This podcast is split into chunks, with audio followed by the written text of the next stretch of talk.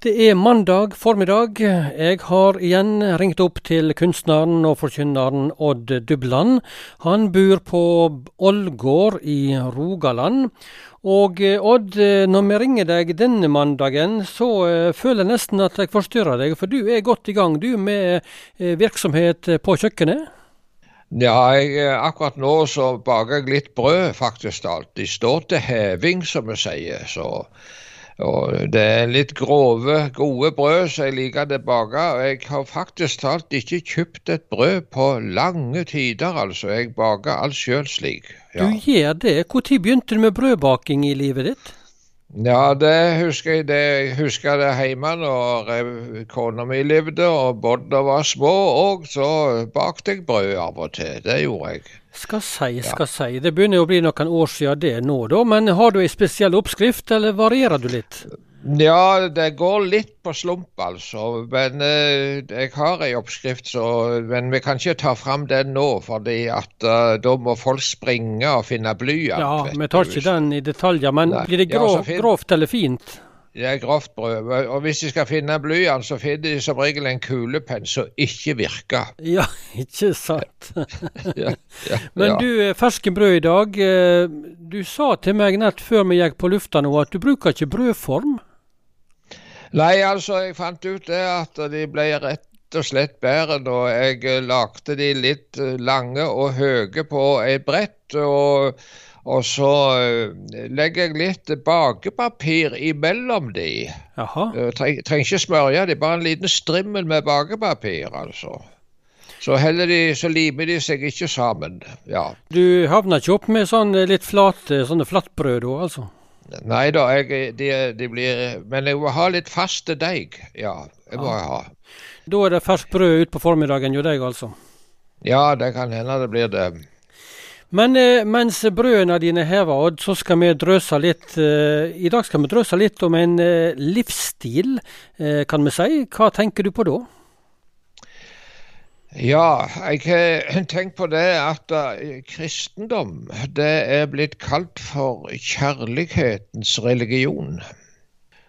Islam er kalt for sverdets religion. Og kjærlighetens religion, det er altså kristendommen sitt navn. Og hvis, der, hvis, vi ser på det som skjedde fra begynnelsen av de første kristne, så, så ble det lagt merke til av folk flest at de kristne var annerledes. Eh, det, det ble bl.a. sagt se sjå hvordan de elska hverandre.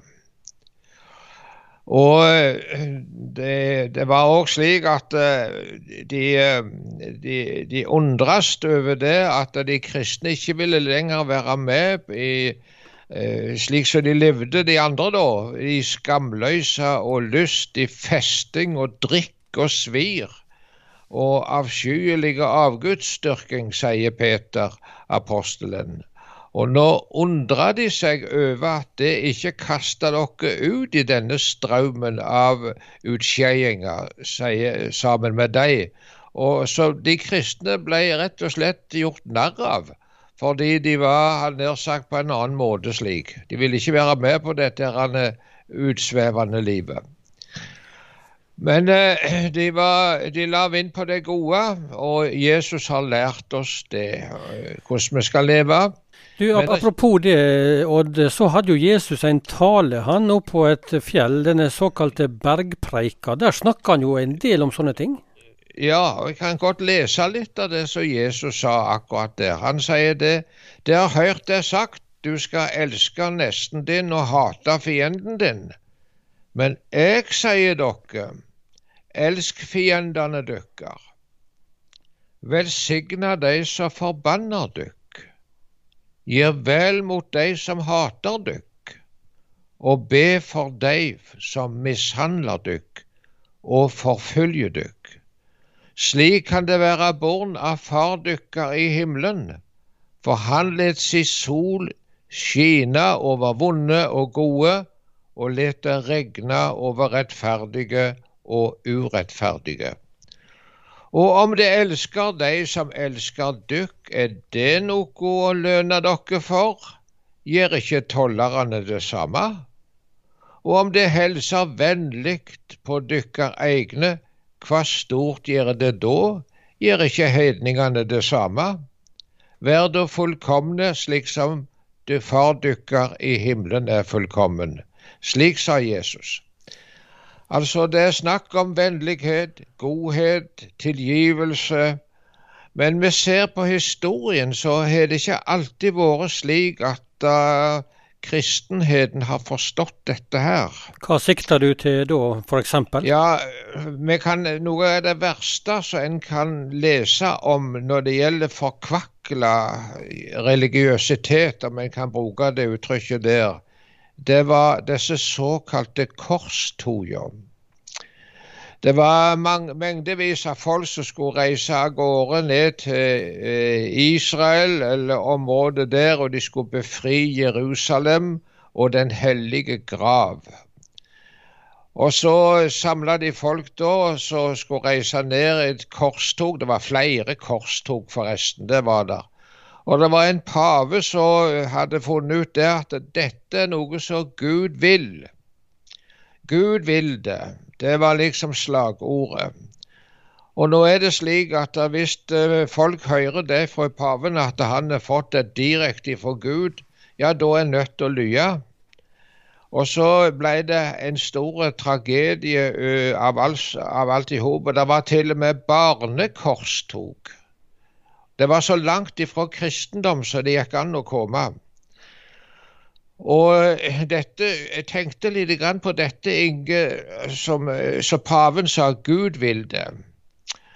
Og det er farlig når folk påstår å ha fått ting direkte fra Gud. Enten det er et syn eller ei røst i hører. Eh, for eh, da blir folk handlingslamma. Og selv om det er en stor teolog som står fram og sier det, dette har jeg fått direkte fra Gud, så skal folk passe seg. For uh, det er ting en skal prøve, det som blir sagt. Ja. Men så tenker jeg òg på noe av det som apostel Peter formante de kristne til. Ja, og hva var det? Ja, han sier det at det er nok, sier han, at det, det tidligere har levd slik som hedningene vil. Altså, det er nok at det er gjort det, det må vende dere ifra det. De levde i skamløysa og lyst i festing og drikk og svir og avskyelig avgudsdyrking. Og nå undrer de seg over at det ikke lenger kaster dykk ut i denne strømmen av utskeiinger sammen med de, og de spotter dykk. Men jeg skal òg være klar over det at det var mange kristne som ble respekterte nettopp for det, at de ikke var med på det som var vondt. Og den kristne livsstil, det finner vi i dette òg, at du, du, skal elske din neste som deg sjøl, slik som Jesus har sagt. Det er ikke så lett alltid å kunne si det at jeg har vært slik, men det er noe vi skal strekke oss etter. Du, hva er, hva er kjella, eller drivkraften, til, til dette livet som du snakker om nå? Ja, du ser det at vi har vi har en frelser som har frelst oss ifra syndene våre. Jesus Kristus.